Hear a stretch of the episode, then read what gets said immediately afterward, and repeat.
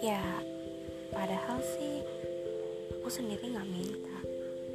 buat masuk ke dalam bilik rumah